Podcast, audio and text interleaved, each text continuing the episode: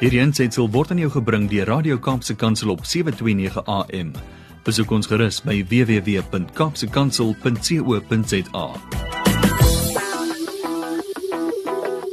Dit is altyd lekker om in die lewe wêreld van die gestremde saam met Fanie de Tooi te kuier. Ek sou dit nooit sonder hom kon doen nie. Baie welkom Fanie.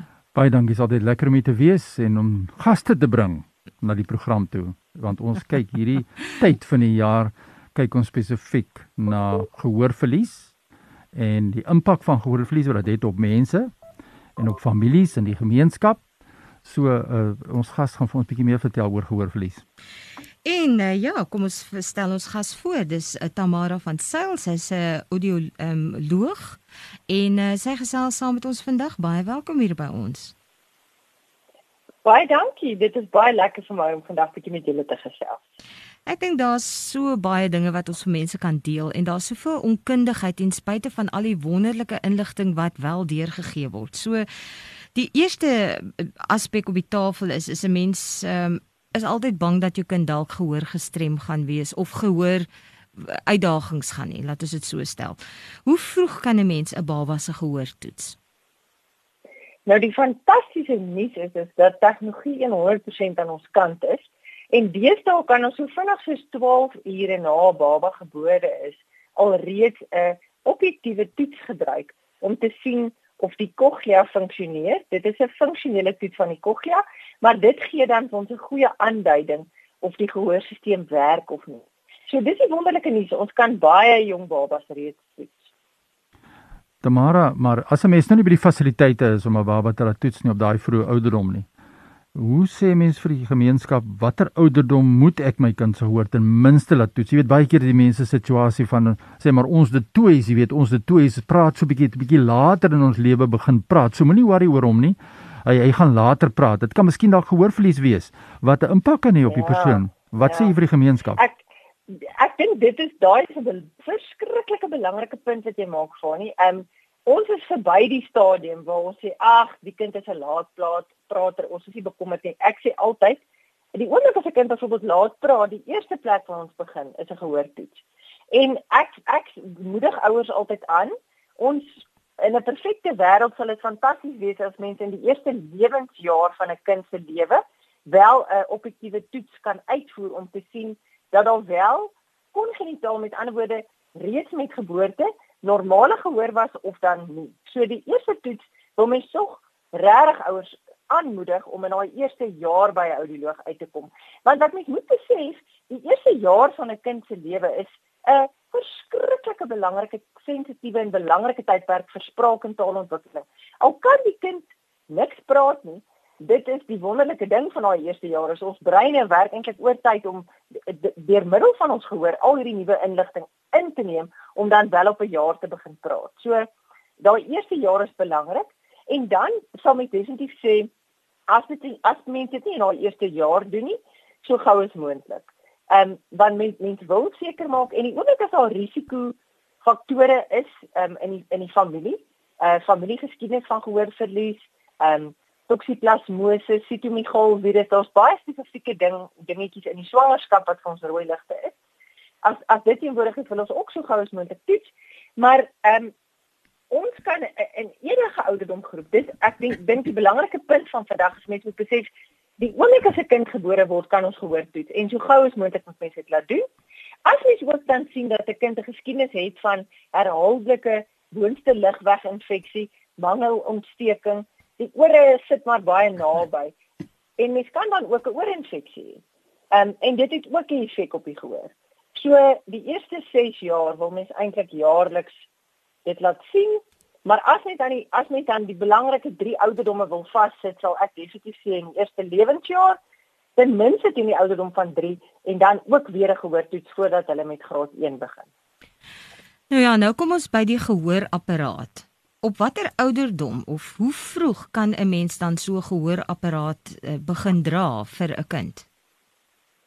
Eh, dis dis weer eens die fantastiese nie. So vinnig soos wat ons 'n uh, volledige diagnostiese toets gedoen het, dat mense moet onthou die toetse wat ons in hospitale aan aanbied in die kraamsale is 'n siftingstoets en as hulle nie die toets slaag nie, gaan hulle dan na die audiologiese praktyk waar 'n diagnostiese auditiewe breinstam toets dan gedoen sal word. Dis heeltemal 'n objektiewe toets en ons is in staat om te kyk op 'n breinstam vlak wat is die reaksie op klank en kan dan baie akkuraat diagnoseer of 'n kind gehoor het al dan nie. En ons kan so gou as wat ons daai diagnose bevestig het, kan ons babas pas. Babatjie so klein soos 2-3 maande oud word reeds al gepas met gehoorapparate. Tamara, die tegnologie ontwikkel so verskriklik. Ek kyk hier na myself, jy weet ek beheer hierdie kokleaire implantings vir my van my selfoon af met 'n app 'n toepassing wat sê waar is die volume, wat kan ek verandering in die stel verstellings wat daar gemaak word. Ons het soveel ongelooflike tegnologiese deurbrake. Hoe kyk jy as 'n audioloog daarna en tot watter voordeel is dit vir jou in jou praktyk om in hierdie nuwe tegnologie deel te kan wees van die ondersteuning aan mense met gehoorverlies? Ja, ek dink ehm um, wat hierdie pandemie vir ons almal gebring het wat wat werk in die wêreld van gesondheid is is die die moontlikheid om tele tele-intervensie te doen vir ons pasiënte. Ek dink daar's 'n gedeelte van ons intervensie wat altyd verkieslik persoon tot persoon sal wees, maar daar's fantastiese wonderlike tegnologie wat baie keer vir my voel of ek verander het in iemand met 'n towerstokkie, want byvoorbeeld net om jou 'n voorbeeld te gee van nie, die meeste gehoorapparate is deesdae so gesofistikeerd wat tele-intervensie aanbetref dat ek hier in die gemak van my kantoor kan sit agter my rekenaarskerm en jy kan lekker by jou huis sit en jy kan deur 'n spesiale app vir my boodskap stuur om te sê Tamara, uh hoë frekwensie klanke is regtig vir my hopeloos skerp op hierdie nuwe gehoorapparaat stel en ek kan verstellings maak hier op my rekenaar en dit word via SMS aan jou oorgedra en as jy op jou foon sê jy aanvaar dit dan foeps soos 'n wonder verander die apparate se verstelling dan en jy kan weer met my kommunikeer en sê, "Sjoe, dit klink nou fantasties." Of weet jy wat, dit het nog steeds nie my probleem opgelos nie. En so kan ons eintlik 'n hele paar verstellings doen deur tele-intervensie wat dan glad dit nie vir jou nodig maak om my te kom besoek by my praktyk nie. So dis een van die wonderlike ding, daar daar's regtig 'n groot deel van ons dienslewering wat ons nou kan doen met die behulp van al hierdie wonderlike nuwe dinge soos apps en Zoom en al daardie dinge. Dis wonderlik om dit te hoor. So dit maak dit net baie makliker en meer laat mense bietjie meer inklusief voel. Maar wat is die effek van so gehoorverlies op die res van 'n persoon se gesondheid as ek nou besluit om nie 'n gehoorapparaat te kry nie? Ja, ek dink dis 'n baie belangrike punt wat jy daar aanraak. Um 'n mens moet besef as mens aan jou eie gehoor dink, dan dink jy aan jou ore en jou vermoë om te kan hoor. En dit is omtrent waar mense ophou dink aan die saak. Maar mense moet besef dat mense gehoor gaan hoor op en dit gaan na mense brein toe. So ek sê altyd vir my pasiënte, mense ore is die pad in. Maar die magic of die wonder gebeur in 'n mens se brein. Dit is waar mens klank verwerk en dit is die gedeelte wat ons eintlik gesond wil hou. So die oomblik as mens na iemand kyk wat 'n gehoorverlies het, wat dit nie behandel nie. Ehm um, die eerste baie slegte simptome is ons sien regtig hoër insidensie van depressie onder hierdie pasiënte want sosiaal iso isoleer mens jouself al hoe minder want jy kan nie lag vir die grappie nie en jy kan nie deelneem aan die gesprek nie en jy selfs al is jy dan soms in 'n gesprek as jy dan geneig om jouself te onttrek omdat jy nie die gesprek kan volg nie. So dis nie goed vir jou gemoed nie. Kom ons begin daar. En dan weet ons ook siektes soos demensie en Alzheimer dit word verseker nie veroorsaak deur gehoorverlies nie, maar die navorsing wys ook nou vir 'n mens dat mens 'n uh, groter kans het, die insidensie is hoër dat jy so 'n tipe siekte kan ontwikkel as jy gehoorverlies het en dit nie behandel nie. So gehoorverlies is nie net die eenvoudige saak van kan ek hoor of kan ek nie hoor nie. Dit dit het 'n groot uh, verband met jou brein se gesondheid. En dan weet ons ook in ouer individue dat wat wanneer mense gehoor verlies het en mense behandel dit nie, het mense groter risiko om te val. En vir mense ouer mense weet net dit is gevaarlik. Mens kan 'n heup breek en jy kan baie ernstiger ander dinge oorkom as jy jou gehoor verlies nie laat behandel nie. So vir 'n gesonde brein, laat jou ore toets vandag en as daar foute is, kry intervensie so gou as moontlik. Sjoe, ek is bly dat jy dit bring onder die aandag en dit is so maklik om regtig regstellings te maak so mense het ook nie dit meer as 'n verskoning nie. Daar's al so baie om te sê want ons wil ook op 'n stadium nog praat oor gehoor, implanting en die kostes en al daardie aspekte, maar ongelukkig laat ons tyd nou nie dit toe nie. Ons sal dit 'n volgende keer doen, nee Fani. Verseker, ek wil met uh, gesels oor die pryse en mm. hoe kan ons wat kan ons doen om ek sien hierdie kokleaire implanting van my is nou die 10de jaar te maar kan jy dit glo? Oh, fantasties. En uh as dit moet toeganklik wees tot almal, jy weet, meer toegang te kry.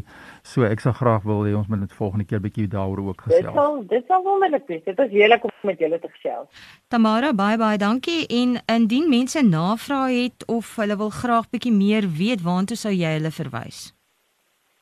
Dit is wat ons het 'n wonderlike assosiasie, die the South African Association of Audiologists wat baie goeie ehm um, uh, 'n baie goeie bron is op die internet. Ehm um, en ja, ek dink dis om wat Google so fantasties maak, soek audiologist near me en ek beloof vir jou jy gaan iemand vind wat naby jou is en wat jou goed kan help. Maar South African Association of Audiologists is 'n baie goeie beginpunt. Ja, verseker. Baie dankie vir die gesels. Uh, Tamara en baie uh, seën in in met al julle werk. Dit is 'n werk van liefde en ons kan nie daarsonder nie. So ons waardeer julle. 'n Lekker dag vir jou. Sterkte vir julle. Dankie. Totsiens. Totsiens. Ja, Fani, dit ja. is die einde van die saak. Ons gesels weer op 'n volgende keer oor hierdie geweldige pryse en die toeganklikheid want dit is belangrik. Val hierdie tyd van die jaar 3 Maart is dit wêreldgehoordag elke jaar en dan 27 April is dit 'n geraasbewustheid dag.